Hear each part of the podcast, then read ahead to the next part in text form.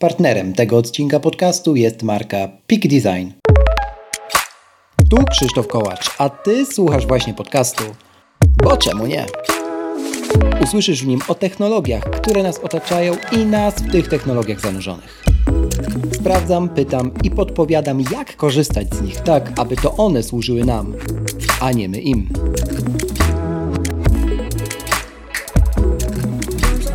W dzisiejszym odcinku o tym, jak zaraziłem się backpackingiem oraz moim podejściu do tego tematu. Opowiadam na bazie własnych doświadczeń.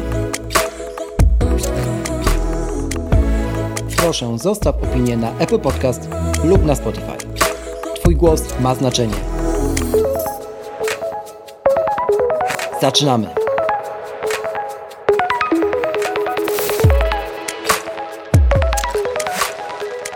Jeszcze moment i będzie za mną 260 nagranych odcinków. Jakoś tak jak sobie o tym myślę, to mimowolnie się cieszę.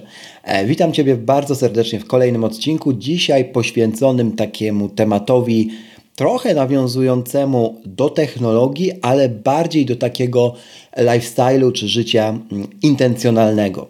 Chciałbym dzisiaj opowiedzieć Tobie o mojej przygodzie z backpackingiem. Dla tych, którzy nie wiedzą, backpacking to jest po prostu podróżowanie z plecakiem. No tutaj bez dorabiania żadnej dłuższej historii. Chodzi po prostu o to, żeby brać jak najmniej, ale też wybierać mądrze te rzeczy i podróżować w taki sposób, żeby nie być ograniczonym, no właśnie, tysiącem dodatkowych walizek.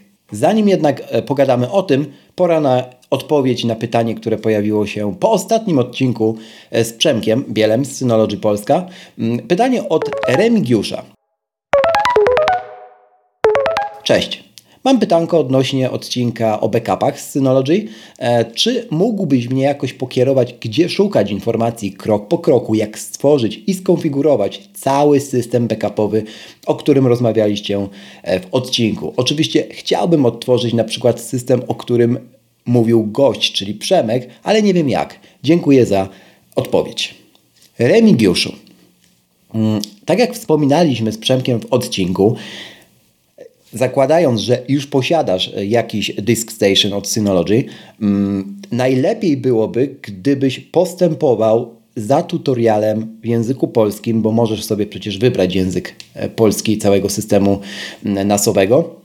Step by step, tak jak Ci pokazuje krok po kroku właśnie e, system. On ma wbudowane, e, wbudowane podpowiedzi, wbudowanego samouczka, ale jeżeli to jest dla Ciebie zbyt duża bariera wejścia, to gorąco zachęcam Ciebie do zajrzenia na Centrum Pomocy Synologii w języku polskim i tam, kiedy wpiszesz sobie w wyszukiwarkę dowolną właściwie frazę dotyczącą mm, właśnie pierwszych kroków z tym sprzętem, na pewno znajdziesz odpowiedź na większość pytań. W odcinku rozmawialiśmy również o backupach Time Machine, bo przypuszczam, że jesteś mag-userem, skoro słuchasz tego podcastu. No i tam w opisie do tego odcinka, który już wysłuchałeś, znajdziesz linki do takich artykułów w Centrum Pomocy Synology, które opisują naprawdę krok po kroczku, jak taki backup Time Machine e, sobie skonfigurować na swoim e, Disk Station. Mm, I to naprawdę powinno być wystarczające. Jeżeli jednak tak nie będzie, to gorąco zachęcam Ciebie do skontaktowania się z Synology. Mm, być może ofertą dla Ciebie, usługą dla Ciebie będzie właśnie takie wsparcie eksperta dedykowanego e, z ramienia Synology, aczkolwiek jeżeli jesteś użytkownikiem domowym, tak jak ja byłem i zaczynasz od tego punktu, od którego ja zaczynałem, o czym mówiłem kilka razy w tamtym odcinku, czyli od punktu zero, to wierz mi, że powinno to wystarczyć, e, co, co właśnie teraz e, Ci wskazałem. Linki jeszcze specjalnie dla Ciebie do tego Centrum Pomocy znajdziesz w opisie tego odcinka pod adresem poczemunie.pl ukośnik 258 i jeszcze raz gorąco zachęcam Ciebie do sprawdzenia sobie e, opisu odcinka tego poprzedniego z Przemkiem z Synology. Tam dużo tych linków również było e, zawartych. A jeżeli Ty masz pytanie do mnie lub któregoś z moich gości, zapraszam do zrobienia tego samego. Możesz zostawić takie pytanie albo zasugerować temat kolejnego odcinka pod adresem boczemunie.pl ukośnik zapytaj. Tyle, jeżeli chodzi o fragment QA, a ja przechodzę już teraz do głównego tematu tego odcinka, czyli odpowiedzi na pytanie, co zabieram w podróż, krótszą, dłuższą, po prostu w podróż e, i jak podchodzę do tematu sprytnego korzystania z dobrodziejstw backpackingu. Celem tego odcinka jest przede wszystkim pokazanie Tobie mojej drogi dotyczącej pakowania się na rozmaite wyjazdy, a trzeba dopowiedzieć, że ta droga była bardzo długa. Przede wszystkim dlatego, że bardzo długo sam uważałem, że potrzebuję naprawdę dużej ilości rzeczy, żeby w ogóle móc opuścić swój dom, swoje studio i czuć się z tym w miarę komfortowo. Podchodziłem do tego tematu bardzo skrajnie, albo próbując iść w całkowity minimalizm, e, i to była droga donikąd, albo y, próbując właśnie brać tego wszystkiego za dużo. Dużo, dużo lepiej, jak się okazało, Sprawdziło się natomiast szukanie dookoła siebie takich rozwiązań, które po prostu są sprytne. Trochę można by to z angielskiego nazwać lifehackami, ale tak naprawdę, mówiąc prostym językiem, polskim językiem, e, one adresują wiele tematów i mogą być częścią moich rutyn. Wiecie, ci z Was, którzy słuchacie mnie od dłuższego czasu, że jestem człowiekiem rutyn. Mam rutynę poranka, mam rutynę zamknięcia dnia. Generalnie lubię sobie układać rzeczy w pewnego rodzaju segmenty, najlepiej powtarzalne, bo to mi daje po prostu poczucie bezpieczeństwa. Ale kiedy my podchodzimy do jakiegoś tematu inaczej niż właśnie próbując go trochę wpasować w ten nasz styl życia, no to to się przeważnie rozjeżdża. Z backpackingiem było dokładnie tak samo. I dzisiaj chcę Tobie pokazać, jak wyglądało to kiedyś, a jak wygląda dziś. Co zabieram zatem do mojego plecaka? Zaczynamy. Pamiętam, jakby to było wczoraj. Swój pierwszy wyjazd na Erasmusa do Londynu. Padło wtedy właśnie na Wielką Brytanię, bo do wyboru były jeszcze inne, cieplejsze, dla mnie z tamtej perspektywy zbyt egzotyczne miejsca, choć teraz trochę tego żałuję. E, no ale wiecie, pojechałem tam tak jak to student drugiego roku licencjatu Pomijam, że na dziennikarstwie e, pojechałem pracować w gazecie, prawdziwej londyńskiej gazecie. Chciałem przez to spełnić też jedno ze swoich wielkich marzeń. Dzięki pracy moich rodziców mogłem spełnić to marzenie i wtedy pamiętam jak dziś wybraliśmy największą dostępną walizkę, e, jaka była w ogóle w markecie. Oczywiście markecie nie z walizkami, po prostu w markecie. Była to przy okazji najtańsza walizka, e, która nie przetrwała oczywiście tej, tej wyprawy, tej podróży, ale możecie mi wierzyć lub nie, zabrałem ze sobą również słoiki. Jak typowy człowiek z Polski ze słoikami poleciałem zatem do Londynu na Erasmusa, opuszczając swoje rodzinne miasto i ta ponad dwumetrowa wielka walizka granatowa z jakimiś czerwonymi akcentami, pamiętam to do dziś, e, za kilkadziesiąt złotych oprócz tego, że się rozpadła, to była chyba takim ciężarem, który do dziś jest większą traumą niż przebiegnięcie bez przygotowania jakiegoś długodystansowego biegu, nie? Ja dźwigałem równo tyle, ile mogłem, czyli 23 kg gratów. Po prostu gratów. I dokładnie tak należy o tym mówić. Dzisiaj już wiem to e, na 100%. Pomijając, słuchajcie, sam fakt e, podejścia, że wszystko się przyda, no to jest podejście, które nam wpaja się od małego dziecka, nam wpajano, przynajmniej mojemu pokoleniu, bo przecież szkoda wyrzucić. E, kompletnie nie brałem też pod uwagę takich kwestii jak e, konieczność prania tego wszystkiego, a więc także suszenia tego wszystkiego, no bo nie były to w żaden sposób ubrania dedykowane na podróże czy, czy survival, po prostu zwykła bawełna, która jak wiemy, zwłaszcza w warunkach dużej wilgotności, która to w Londynie dość, dość często występuje, nie spełnia jakby pokładanych w tym oczekiwań, jeżeli chodzi o e, utrzymanie komfortu i noszenia, i, i, i prania, dbania o higienę tego wszystkiego. I nie brałem też pod uwagę niespodziewanych sytuacji, które no przecież mogą się zdarzyć w każdej podróży. Potem pamiętam, że zacząłem podróżować służbowo już w swojej drugiej pracy i e, problemem były zawsze dwa bagaże. W sensie dokładniej to problemem była walizka.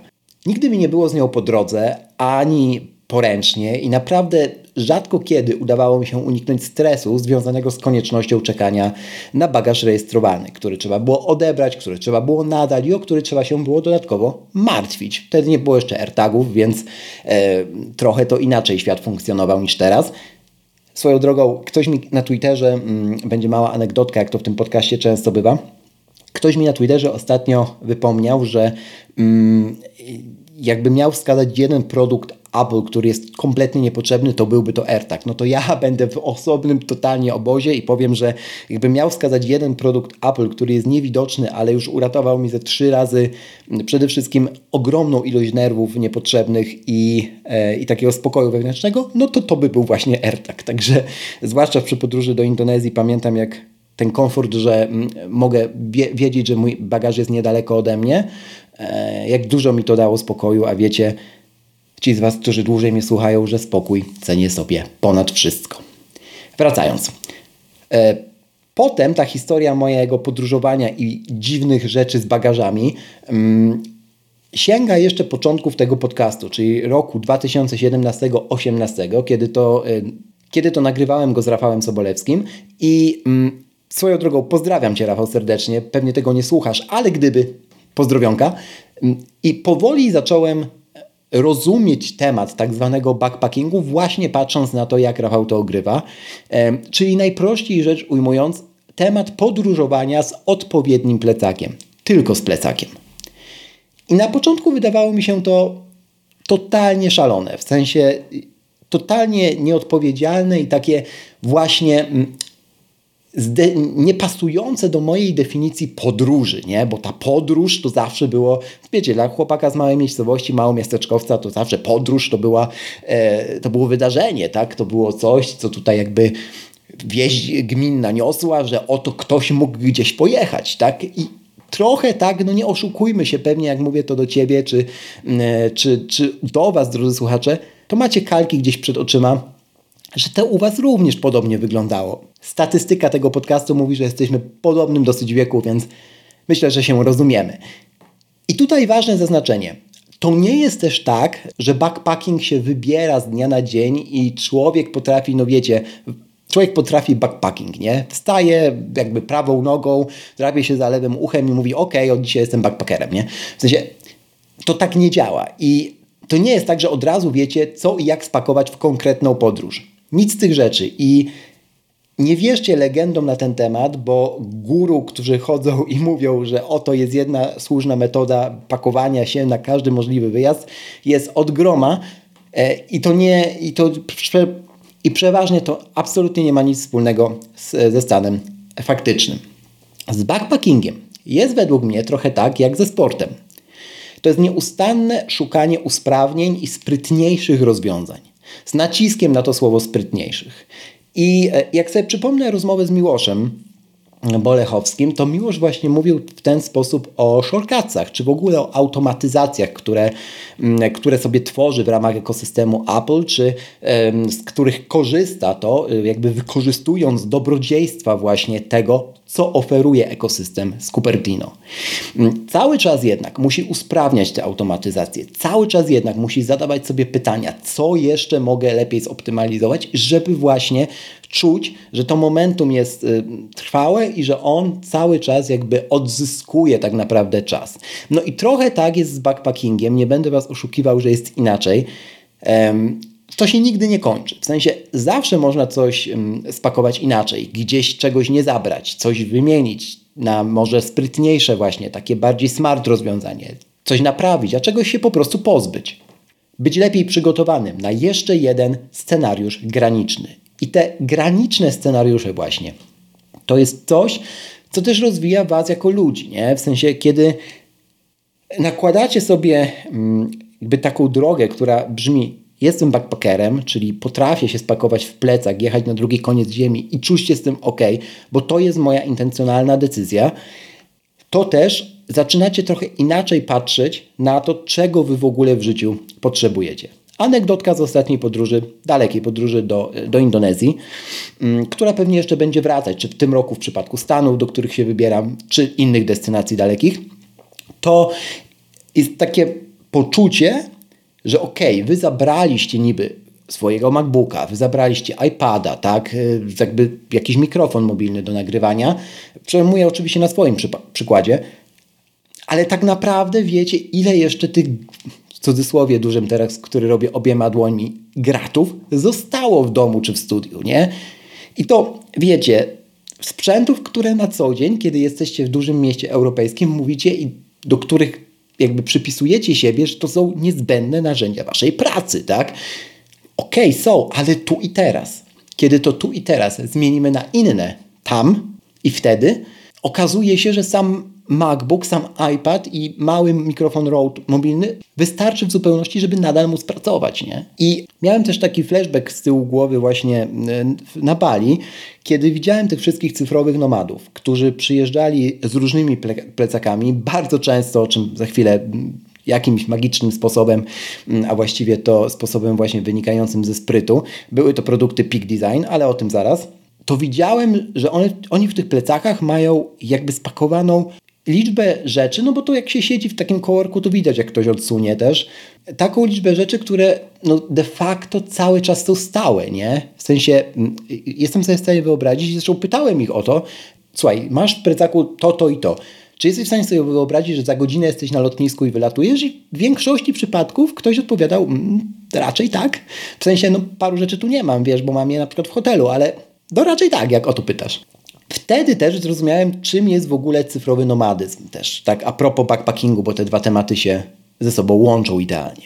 No bo wiecie, my tutaj w Polsce to lubimy sobie e, hashtagami rzucać, nie? Tak w rozmowach, że ja to jestem hashtag iPad only, bo używam tylko iPada. Ja to jestem hashtag klawiatury mechaniczne, bo do iPada noszę jeszcze klawiaturę mechaniczną, a ja to w ogóle mógłbym pracować, nie wiem, z Iglo. I słuchajcie, super, że my to tak krzewimy, tę kulturę e, remote working i w ogóle to wszystko, co tutaj w Polsce się dzieje, tylko że to nie ma nic wspólnego z prawdziwym nomadyzmem. Nie? Jak się spotka takich nomadów, nomadów, którzy żyją po prostu podróżując i, i widzi się, co ci goście czy, czy te kobiety ze sobą zabierają, to to są takie rzeczy, że nie mają nic wspólnego absolutnie z iPad Only, nie? Przykładowo, poznałem wspaniałą kobietę z Australii, która miała ze sobą mobilny monitor podłączany do iPada, bo akurat pracowała faktycznie wtedy na iPadzie, ale też podłączała go do swojego e, MacBooka, po to, że potrzebowała drugiego ekranu, nie większego niż 12-13 cali i nie będącego drugim komputerem, ale jakby rozkładając swoje stanowisko pracy, chciała mieć do dyspozycji dwa ekrany, w tym ekran zewnętrzny. Poznałem również człowieka, który pokazał mi, e, e, na czym pracuje, i był to MacBook, który miał chyba 9 lat. I zapytałem go, słuchaj stary, a czym ty się zajmujesz? No i mówi, że on tak głównie to pracę biurową wykonuje ja mówię, no ale jakby nie chciałeś się zupgrade'ować czy coś, e, on, no, wiesz, ale stary, po co? Ja to wolę na podróże wydać, albo ja to wolę e, na coś innego przeznaczyć, bo przecież ten komputer działa, nie? Przy okazji, wiesz, no części są do niego dosyć łatwo dostępne, wtedy się jeszcze wszystko dało naprawić, nie? Mm, też odpowiedź w Polsce raczej niespotykana, bo przecież my musimy mieć najnowsze i zawsze 200 GB RAMu. Ale to już zostawmy, żeby, żeby nie wchodzić w sarkazm. I wtedy też właśnie zobaczyłem, że mnie się ta droga podoba, nie? W sensie, że mnie się podoba y, umiejętność posiadania gotowej odpowiedzi, takiej wynikającej z faktycznego stanu, z prawdy. Na pytanie, co ty masz w plecaku, e, ale odpowiedzi, która y, też adresuje wszystkie potrzeby moje w danym konkretnym miejscu, nie? Że ja wiem, co ja tam mam. Trochę ten przykład damskiej torebki, chociaż akurat jak poznałem nomadki cyfrowe, i zobaczyłem na ich organizację życia w podróży, absolutnie nigdy nie użyję tego, tego głupiego swoją drogą e, porównania do tego, co ma kobieta w torebce, nie? że tam ma wszystko i w ogóle nie wie, co tam ma. Absolutnie tak już nie jest. Wierzcie mi, że kobiety są tak zorganizowane, że my ze wszystkimi swoimi narzędziami go, do GTD to możemy się w ogóle schować. Mnie się ta droga spodobała i być może wynika to trochę z tego, że w talentach Galupa mam naprawianie, czyli ten restorative na pierwszym miejscu, czyli no, generalnie lubię jak się coś zepsuje i można to potem zrobić lepiej. Um, no ale prawie, prawdopodobnie wynika to też z bycia geekiem i nerdem, nie? W każdym razie pamiętam jak dziś właśnie ten swój y, pierwszy wyjazd na tydzień, słuchajcie, z plecakiem, tylko z plecakiem. I ogromną ulgę, która towarzyszyła temu wyjazdowi. To była wtedy Norwegia, ale ulga w znaczeniu nie tylko fizycznym, ale przede wszystkim mentalnym była przeogromna. Ja się czułem, jakbym pojechał na Alaskę i miał tam spędzić, nie wiem, rok z tym plecaczkiem. No, no i, e, i to było bardzo uwalniające doświadczenie. I e, zanim opowiem Wam w szczegółach, z jakich ja dwóch plecaków takich daily korzystam, to od razu zaznaczę, że dzisiaj chciałem Wam opowiedzieć konkretnie o tym drugim e, plecaku, który pewnie kojarzycie, jeżeli oglądacie youtuberów technologicznych. Ten pierwszy to jest po prostu kanken, którego, który jest jakby takim basicowym moim plecakiem, właściwie do którego mogę zmieścić co dusza zapragnie i wyjechać gdzie chcę. E, ale on nie pozwala na te rzeczy, których szukałem i w końcu znalazłem, no właśnie, w produkcie Peak Design, o którym zaraz. Natomiast zanim to, to chciałbym jeszcze Wam powiedzieć, jakimi ja kryteriami kieruję się, podobnie jak robiłem to w odcinku o wyborze iPhone'a, tutaj w wyborze plecaka. To jest pięć konkretnych y, kryteriów, którymi możecie lub nie, to jest Wasz wybór, kierować się, żeby w taki zdrowy i rozsądny sposób podejść w ogóle do podróżowania z plecakiem, do backpackingu. To oczywiście jest moja subiektywna lista i z pewnością warto zbudować sobie własną, ale jako punkt wyjścia może dla kogoś będzie użyteczna. Zatem punkt pierwszy. Szukam odpowiedzi na pytanie, ile kilogramów, litrów e, na plecach jest dla mnie komfortowe. Ile ja chcę tam nosić. Bo wierzcie mi, że, że jeżeli każdy ten kilogram więcej będziecie czuli w takim życiu w podróży codziennie na przykład, to będzie on miał cholerne znaczenie dla Was. Po drugie, jakie trzy rodzaje wyjazdów odbywamy najczęściej sami, a jakie z kimś? I tutaj można się dziwić temu pytaniu, ale ono mega pomaga w myśleniu o tym, czy my szukamy torby, plecaka e, na wyjazdy biznesowe, okay, tylko solo, czy my szukamy torby plecaka, w którym możemy pomieścić również buty biegowe, bo na przykład jedziemy wtedy na zawody, ale też pracować zdalnie skądś i tak dalej, i tak dalej. Trzecie pytanie. Jakie wspólne dla nich, dla tych wyjazdów, tych rodzajów wyjazdów, które określiliśmy wcześniej e, i niezbędne do pracy i życia w podróży rzeczy potrzebujemy ze sobą zabrać? bardzo szybko wychodzi, że mamy pewnego rodzaju paterny, wzorce, że potrzebujemy faktycznie do przeżycia tego, tego i tego, a wszystko inne jest dodatkiem, nie?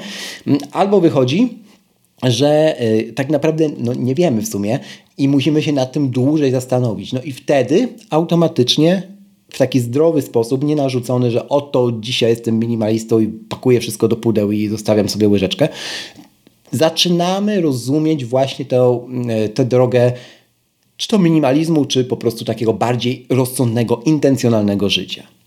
Czwarte pytanie. Jakie destynacje odwiedzamy najczęściej i w jakim celu? To jest znowu pogłębienie tego, do określenia tego, czy to jest służbowa destynacja, czy to jest y, właśnie takie życie e, cyfrowego nomada, czy mm, backpackera, czy my jesteśmy właśnie w wannabe tego typu y, y, osobą, nie? To trochę ja. I jakby jak my sobie odpowiemy na to pytanie szczerze, no to też zejdą nam z tyłu głowy takie, mm, takie przeświadczenia, że dobrze, to ja potrzebuję najdroższego, najlepszego, a mm, kurczę, a może to jeszcze dokupię dwa, bo jakby, jakby co. Nie zapętlamy się znowu w tą retorykę, którą znamy z dzieciństwa, czyli a przyda się. No i piąte w końcu. Co powinien mieć dla Ciebie plecak idealny? A co z tego będzie niezbędne znowu do życia i pracy w podróży, nie? To wyjdzie już trochę w praniu. To, to jest test, nie, tak jak mówiłem, nieustanny test, e, który musimy odbywać za każdym razem, no i w końcu coś z niego wyniknie. No dobra, zatem z czego korzystam obecnie na co dzień? Nie jest przypadkiem, że partnerem tego odcinka jest marka Peak Design. E, do, sam jakby do niej też się zgłosiłem, bo właśnie to oni pozwolili mi poznać świat sprytnego backpackingu. I to trochę nie tak, że jakby usłyszałem o nich raz od człowieka na dalekim Bali, chociaż tak jak mówię, w Belunie, tym coworku, z którego do Was nagrywałem i e, w którym pracowałem przez ponad miesiąc, jesienią tamtego roku, no spotkałem tych plecaków Peak Design od groma. W sensie miałem w pewnym momencie wrażenie, że każdy na Bali ma ten plecak. To z czegoś musiało wynikać i ja sobie później przypomniałem, że tak naprawdę na tę markę trafiam już od długiego, długiego czasu w vlogach nie? technologicznych Przede wszystkim tego typu plecak e, użytkuje na co dzień MKBHD. Użytkuje też Bartek, nie antyfan swoją drogą. Pozdrawiam Cię serdecznie Bartek. I e, jakby z jakiegoś powodu e, jakiś powód za tym stoi. Ja nie jestem osobą, która wiecie, wszędzie widzi współpracę, dolary, szekle i o, jakby uważa, że ludzie, którzy noszą różowe rękawiczki na pewno biorą i współpracują z marką, która jest, opracowała ten odcień konkretny różu i tak dalej, i tak dalej, nie? Raczej staram się wybierać takie marki, które mnie w jakiś sposób intrygują, e, no i do, docierać ich historii, nie? I później ją Wam oczywiście opowiadać, bo chciałbym Wam też, tak jak historię osób, przedstawiać też trochę historię marek, z którymi współpracuję, no i nie inaczej jest tym razem. Jeżeli chodzi o Peak Design, to tę markę założył Peter Daring. E, Peter Daring, który uruchomił tak naprawdę mm, na Kickstarterze kampanię Capture Camera Clip w roku 2011. Capture Camera Clip to było takie urządzonko, które miało taki uchwyt po prostu, który miał rozwiązywać jeden, ale za to szalenie istotny, głównie dla fotografów całego świata problem. Miał pozwolić na zamocowanie do szelki plecaka pełnoprawnego aparatu fotograficznego w sposób szybki i bezpieczny. No i udało się. Udało się do tego stopnia, że kampania zakończyła się więcej niż sukcesem, spektakularnym sukcesem i szybko stało się jasne, że podejście Daringa em, i całej późniejszej marki Peak Design jest na tyle nowe i innowatorskie, że warto je nawet opatentować. Zresztą to zrobiono. Dziś Peak Design tworzy cały ekosystem produktów i to jest główny argument, dla którego zdecydowałem się nagrać ten odcinek. Bo w świecie backpackingu to jest takie trochę Apple. Tak jak y, wiele razy mówię Wam o tym, że siłą ekosystemu Apple jest właśnie to, że my możemy powiedzieć o tym, że to jest ekosystem, to tak samo korzystanie na co dzień z rozwiązań Peak Design jest trochę y, takim uczuciem, jakbyście korzystali z takiego plecakowego albo mm, gadżetowego e, Apple. No i teraz tak, na co dzień w tym momencie korzystam z plecaka Peak Design Everyday Backpack 20 litrów ma pojemność. E, to jest model dokładnie Zip V2, ale to nie ma żadnego znaczenia w kolorze popielatym. Mm, no i dlaczego właściwie go wybrałem i co co czym on się wyróżnia? Nie? Te plecaki Peak Design, zanim jeszcze przejdziemy do osadzenia jakby tego konkretnego plecaka w całym ekosystemie i powiem Wam, czym ten ekosystem jest, to przede wszystkim, jak patrzymy tylko na jeden produkt i jest to plecak, to Peak Design od samego początku wymyślił sobie, że do tego plecaka będzie się dało dostać zewsząd. I to jest absolutny game changer. Jak sobie spróbujecie poszukać y, innego plecaka konkurencji, czy, e, czy torby jakiejś takiej, plecako torby, która ma, do której macie dostęp od góry i od boków, to życzę Wam absolutnie powodzenia, żeby w tej e, cenie i w tej jakości wykonania znaleźć coś sensowniejszego. I nie dlatego, e, że Peak Design jest partnerem dzisiejszego odcinka, tylko dlatego, że po prostu sam przechodziłem ten proces i to jest praktycznie niewykonalne. Być może to jest odpowiedź, dlaczego tak wiele, no właśnie, dosyć popularnych y, twórców internetowych czy, czy, czy właśnie youtuberów technologicznych korzysta z tych plecaków, bo to są osoby, które też podróżują, jeżdżą na konferencje, zabierają tonę lustrzanek i tak dalej, i tak dalej.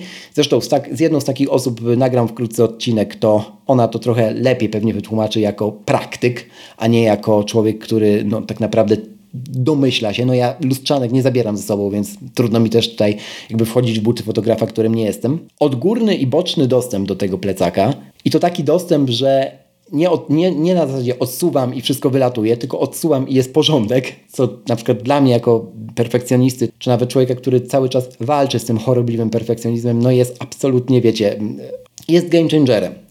Dwie, mamy dwie boczne, rozciągliwe kieszenie, jakby zewnętrzne też do noszenia butelek z wodą i to wszystko dopracowane do takiego stopnia, że jak macie kieszeń na wodę, nie taką, co się rozciąga i tam możecie butelkę włożyć, to kiedy tej butelki tam nie ma, to ta kieszeń się dociąga mm, na zasadzie magnesu, tam są magnesy, nie?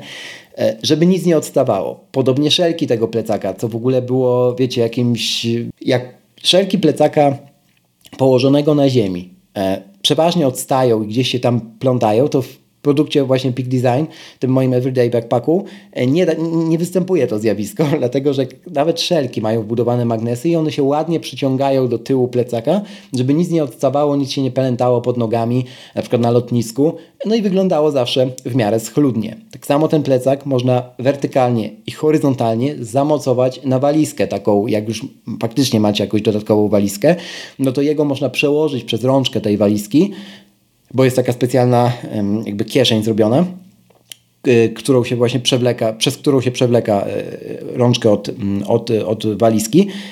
No i w tym momencie on, jakby ten plecak cały jest przytwierdzony do tego bagażu, który za sobą wieziecie i to na przykład w przypadku fotografów bardzo często jest wykorzystywane, bo oni podróżują na przykład na sesję po całym świecie e, i nie chcą e, mieć poczucia, że muszą zawsze potrafić w sekundzie zlokalizować bagaż podręczny i ten nadawany. No i najważniejsza rzecz, która mnie zszokowała, bo nie wiedziałem o tym wcześniej, mm, to jest system FlexVolt. Oni to tak nazwali profesjonalnie, a tak naprawdę ja to nazwie Kowalskiego, to są półki w środku tego plecaka. Takie półki, półeczki. E, to trochę tak, że jak się ten plecak otworzy bokiem, mm, to macie po prostu trzy półki, w zależności od oczywiście pojemności tych plecaków. W moim są trzy, na które możecie kłaść kolejno rzeczy i tych rzeczy tam wchodzi naprawdę sporo. Możecie oczywiście je zdemontować, zostawić sobie jedną, dwie, jak tam chcecie te półki bo one są łatwo dosyć wyciągalne. E, no ale jak na przykład ja się pakuję do takiego plecaka, to jedna półka jest na ubrania, jedna półka jest na przykład na mm, butelki z wodą, a ta najwyższa, do której też jest dostęp od góry, e, na takie rzeczy, no, które właśnie dosyć często wyciągam lub do których muszę mieć ten dostęp. No i to wszystko przybiera wtedy porządek, nie? W sensie macie trochę wrażenie, że jakby mm, otwieracie swoją szafę. W ogóle to protip do każdego plecaka, nie tylko do Peak Design. Oni też mają swoje dedykowane tego typu rozwiązania, ale jakby można też znaleźć e, niededykowane na Amazonie, więc mówię tu zupełnie szczerze. Sam zresztą z takich korzystałem w, e, w Indonezji. Zainwestujcie, słuchajcie, w organizery rzeczy. To są takie małe mm, pudełeczka zasuwane na zamek, saszetki materiałowe, do których na przykład możecie włożyć do jednej t-shirty, do drugiej Mm, dokumenty, do trzeciej przejściówki, kabelki wszelkiego rodzaju do, do Waszych sprzętów, które zabieracie. Bo wtedy do dowolnego plecaka albo tutaj na półeczki tak, wkładacie gotowe organizery, gotowe klocki, prostokąty. Nie? Jak coś na lotnisku Wam chcą zrewizować, to wyciągacie na przykład tylko jedną kosteczkę, odsuwacie ją i tam są wszystkie, no nie wiem, zasilacze ładowarki, a nie wysypujecie całą zawartość plecaka i nie wiecie, nie wiecie później w co ręce włożyć, nie? Także w organizery polecam gorąco w każdym plecaku sobie zainwestować. To, co też wyróżnia ten Everyday Packpack, to jest y, przegroda na tablet czy MacBooka do 15 cali, tam wchodzi w tym 20-litrowym komputer, ale osobna, w sensie taka, że ona jest całkowicie osobna, odgrodzona od tej przestrzeni z tymi półkami, od tej głównej przestrzeni pakowej, przez to macie 100% gwarancji, że ten komputer przeżyje i nic się mu nie stanie, nawet bez żadnego incase'a czy innego futerału. To też podkreślał zresztą w swoich recenzjach i Bartek i, i MKBG i to jest rzeczywiście prawda. No, oprócz tego, że tam wchodzi MacBook, a to nie jest jakiś sprzęt super ultra cienki, w przypadku oczywiście modeli Pro i iPad Pro też i nic się tam ze sobą nie gniecie. Mało tego, jeszcze nad tym nad tą kieszenią na MacBooka i iPada są takie porobione małe kieszonki na przejściówkę, na kabelek, na przewód, na AirPodsy, na nie wiem, dowód osobisty.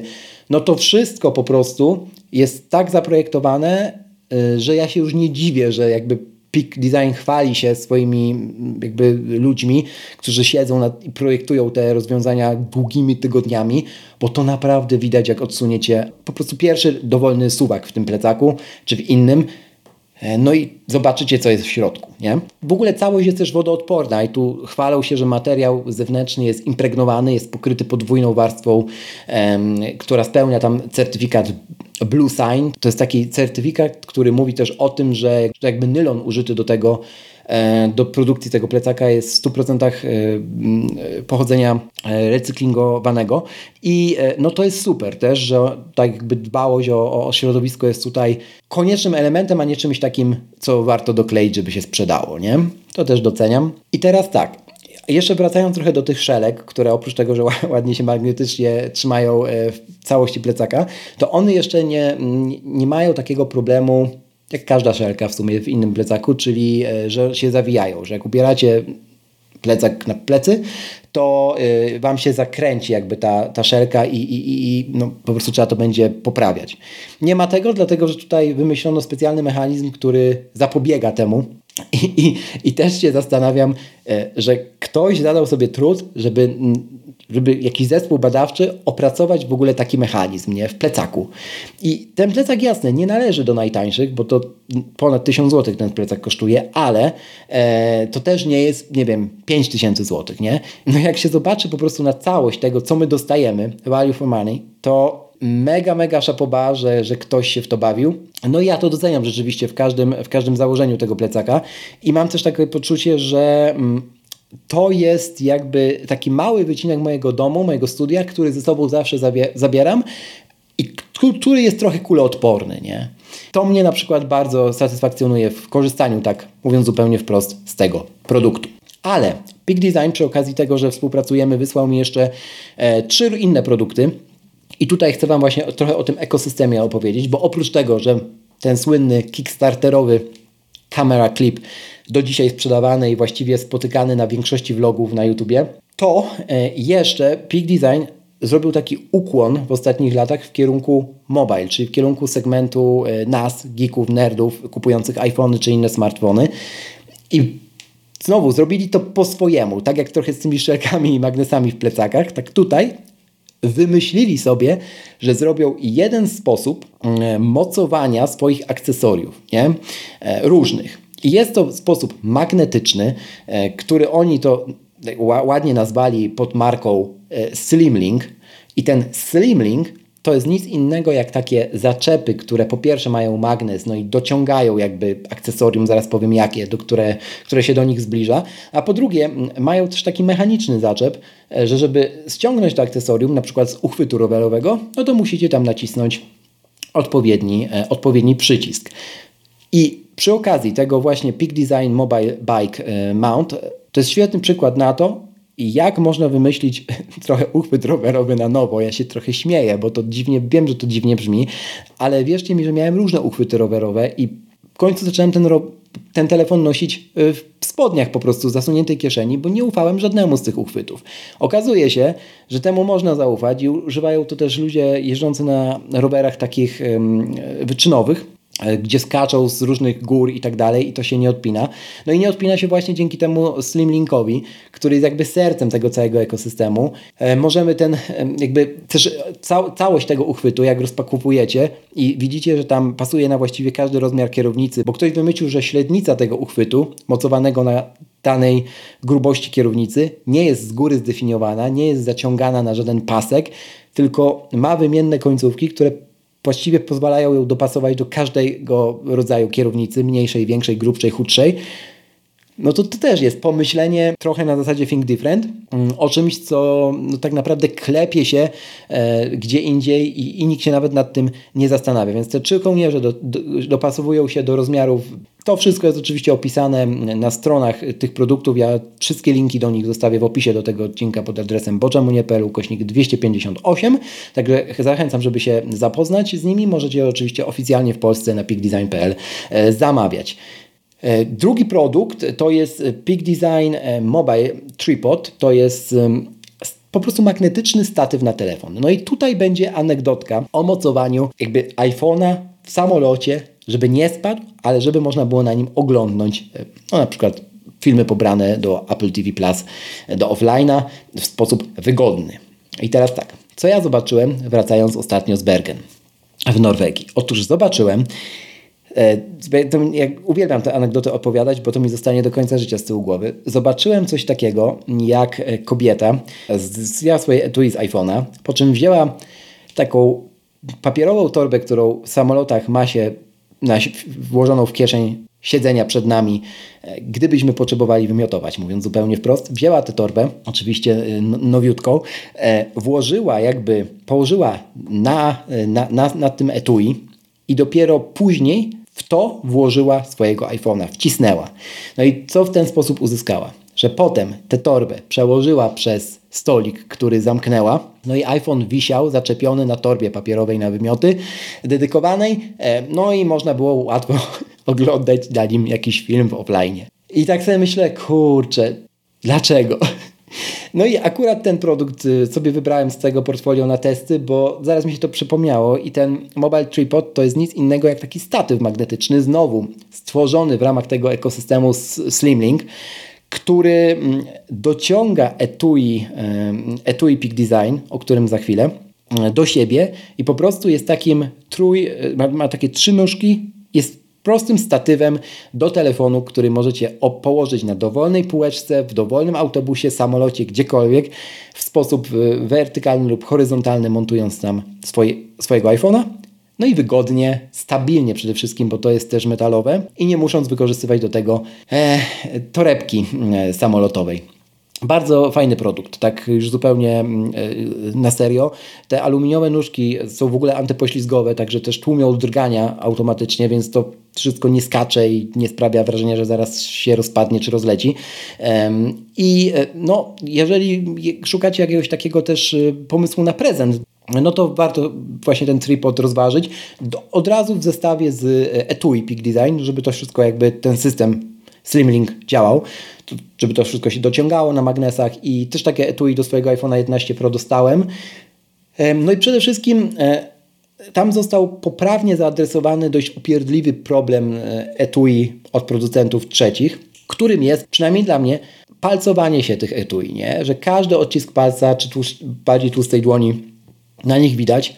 Tam mamy z tyłu materiał podobny mm, do takich etui, które możecie kojarzyć z recenzji Pixeli. E, od Google. Mm, bardzo chropowaty i taki e, jednocześnie przyjemny, no ale absolutnie nie wymagający przecierania niczym i trwały przy okazji, także e, to jest poliwęglan też swoją drogą i jakby System Slimlink tutaj również pozwala na e, jakby mocowanie tego, e, tego iPhone'a na czy to na rowerowym uchwycie, czy na motocyklowym uchwycie. Swoją drogą sezon motocyklowy w pełni rusza teraz, także e, tak również Peak Design ma jakby produkty dla motocyklistów, jak się okazuje. Mm, to wszystko przez to, że oni patrzą mm, znowu z punktu widzenia głównego elementu, czyli jakby uchwytu, nie? Na całą gamę jakby klientów ich, nie? na całe portfolio klientów. Jeżeli tam są motocykliści, to są w stanie zrobić e, produkt dla motocyklistów. Jeżeli tam są rowerzyści, dla rowerzystów. Jeżeli szukacie po prostu uchwytu na telefon, no to po prostu zrobią etui na telefon, które możecie wpiąć e, w staty, w, właśnie w jakiś tripod czy w coś innego. I to mi się super mega podoba w tej marce e, i dlatego będę zdecydowanie jej orędownikiem, bo, bo po prostu tutaj to wszystko ma spójną historię, a ja takie spójne historie bardzo lubię. E, oprócz tego to etui też pozwala normalnie ładować e, przez MagSafe, pozwala ładować też przez e, ładowarki Qi. Dwa metry ochrony przed upadkiem, no to takie dosyć powiedzmy sobie standardy. No nie mam zastrzeżeń do tego etui, zarówno do jego spasowania z iPhone'em, jak i do tego, jak to działa z całym tym ekosystemem. Także też może się tak zdarzyć, że nie ma e, Peak Design etui akurat dla Waszego smartfona. I też to ograli, bo stworzyli taki system, który pozwala korzystać z dobrodziejstw tego systemu Slimlink w dowolnym tak naprawdę e, smartfonie. Jak to działa? Znajdziecie wszystko w linkach w opisie do tego odcinka. No dobra, zatem jeszcze pozostaje odpowiedzieć na pytanie, co zabieram ze sobą w każdą podróż i to o to pytaliście już w przypadku Indonezji, ale każda podróż jest inna. Na koniec takie protipy, na co ja patrzę, e, szykując się do takiej podróży. No i przede wszystkim zawsze patrzę na to, raz jeszcze powtórzę, jaki jest cel tej konkretnej podróży i biorę absolutne minimum. Tak i mówię to ja, który w luku 23 kg na Erasmusa trochę ponad 10 lat temu. Patrząc na sprzęty, to w 90% przypadków biorę ze sobą iPada Pro z klawiaturą najprostszą, to jest chyba Smart Keyboard, mikrofon mobilny, ten na Lightninga, no i żebym mógł nagrywać dla Was i e, AirPodsy Pro drugiej generacji. W zupełności mi to wystarcza. Czasami przewodowe AirPodsy jeszcze, żeby, żeby móc to podpiąć bezpośrednio do mikrofona, ale do mikrofonu, ale to nie waży. Umówmy się nic. Do tego zabieram dwie szybkie mm, ładowarki wieloportowe, Apple Watcha, no i w sumie tyle. Taki setup zazwyczaj pozwala mi pracować z dowolnego miejsca na ziemi. Czasami zabieram ze sobą MacBooka na dłuższe wyjazdy, tak jak na przykład na Bali, mm, ale staram się tego unikać. Pomimo, że tego MacBooka mam, podróży wolę dużo bardziej form factor iPada Pro. E, no i jasne, że ktoś zapyta zaraz, a ile bierzesz pasków do Apple Watcha, bo jakby wiecie, że je kolekcjonuję, to teraz mam taką e, złotą zasadę, że wbiorę maksymalnie dwa paski, a jak mam problem z tym, że mi do czegoś nie pasują, to mam problem pod tytułem weź takie ubrania, żeby pasowały. A propos ubrań, i jakby podróżując na, na takie jakby destynacje, gdzie jest duża wilgotność i gorąc, na przykład Indonezja, nauczyłem się e, i to mi się super sprawdziło, kupować szybko schnące ubrania dedykowane dla survivalowców czy tam podróżników, na przykład od Jacka e, Wolfskina, ale to jakby mówię dlatego, że wybrałem tę markę sam, a tutaj nie ma żadnej absolutnie współpracy e, i, mogę ją Wam polecić. No generalnie e, bardzo dobrze e, nie zatrzymują potu w sobie i, i jakby łatwo, szybko schną, dobrze się też je pierze. Unikam zabierania dużej ilości bawełny, dlatego że zależy gdzie, nie? Ale przykład mojego znajomego, który był w Kenii na obozie biegowym i tam wziął dosyć dużo białych bawełnianych koszulek.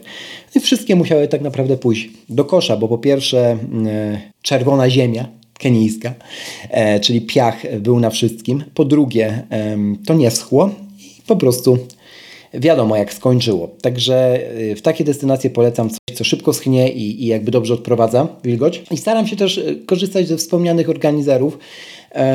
Jeden brać dodatkowy pusty jako taki organizer na brudną odzież. To też jest dosyć dziwny, y, prosty protip, a bardzo pomocny, żeby nie brać plastiku e, jakichś worków foliowych, nie wiadomo czego. E, jak Wam zależy na, natomiast na dopasowaniu mm, kolorów ubrań do, to wybierajcie jakby do wszystkiego, nie? To wybierajcie jakby kolory neutralne z widocznymi akcentami w postaci jakby skarpetek, e, właśnie paska do zegarka i tak dalej. Im praktyczniej, tym lepiej generalnie. Tak się po latach nauczyłem. Staram się mieć buty biegowe zawsze, albo lecę w nich, bo mam dwie pary, tak jak e, to pisałem w ostatnim wydaniu newslettera, do którego możecie zapisać się pod adresem bożemunie.pl, kośnik newsletter. Jedne to są takie buty, podstawowe buty biegowe od Nike, e, które, w których mogę też normalnie chodzić i biegać, a drugie no to są buty startowe od ASICSa, e, które zabieram już tylko na starty biegów długodystansowych, ponieważ one zajmują bardzo, bardzo, bardzo dużo miejsca. Choć akurat w tym e, plecaku od Pika to jest tak gdzieś jakby jego połowa, no ale on ma tylko 20 litrów w moim przypadku, więc tutaj no jest to wiadome, a te budy są naprawdę ogromne jeżeli chodzi o startówki. No i kubek termiczny zawsze leci ze mną też od Hydroflask, e, też marka, z którą jestem od wielu lat związany, polecam ją serdecznie, jakby tam się za te kubki pokroić, e, dlatego że naprawdę mm, one trzymają, e, trzymają ciepło e, spektakularnie długo i wydaje mi się, że dłużej niż cała konkurencja razem wzięta i też mają systemy modułowe, całe ekosystemy mm, dookoła siebie zbudowane, które na przykład nie wymuszają na Was kupna nowego nowego kubka, jak się Wam coś zepsuje tam, bo można też części osobno kupować. Właśnie takie marki staram się wybierać. I to z grubsza tyle, jeżeli chodzi o takie rzeczy, no, o które przeważnie mnie pytacie. Mm, jeszcze raz bardzo dziękuję Peak Design za y, partnerstwo przy tym odcinku. A za dzisiaj Wam bardzo dziękuję i życzę Wam, e, żebyście e, wybierając backpacking czy jakiś inny generalnie sposób na trochę odgracenie swojego życia, podchodzili do tego właśnie jak do niekończącej się przygody, a nie do czegoś, co jest idealną receptą rozwiązującą każdy możliwy problem, bo takich recept e, po prostu nie ma. Tak samo jak nie ma takich marek. Tak czy owak, warto szukać czegoś idealnego dla siebie. Tego Wam życzę. Trzymajcie się. Cześć!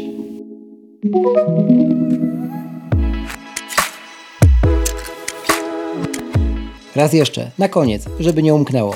Przypominam, zostaw w Apple Podcast oraz na Spotify taką liczbę gwiazdek, jaką uznasz za stosowną. Do usłyszenia w kolejnym odcinku, a za dziś bardzo dziękuję.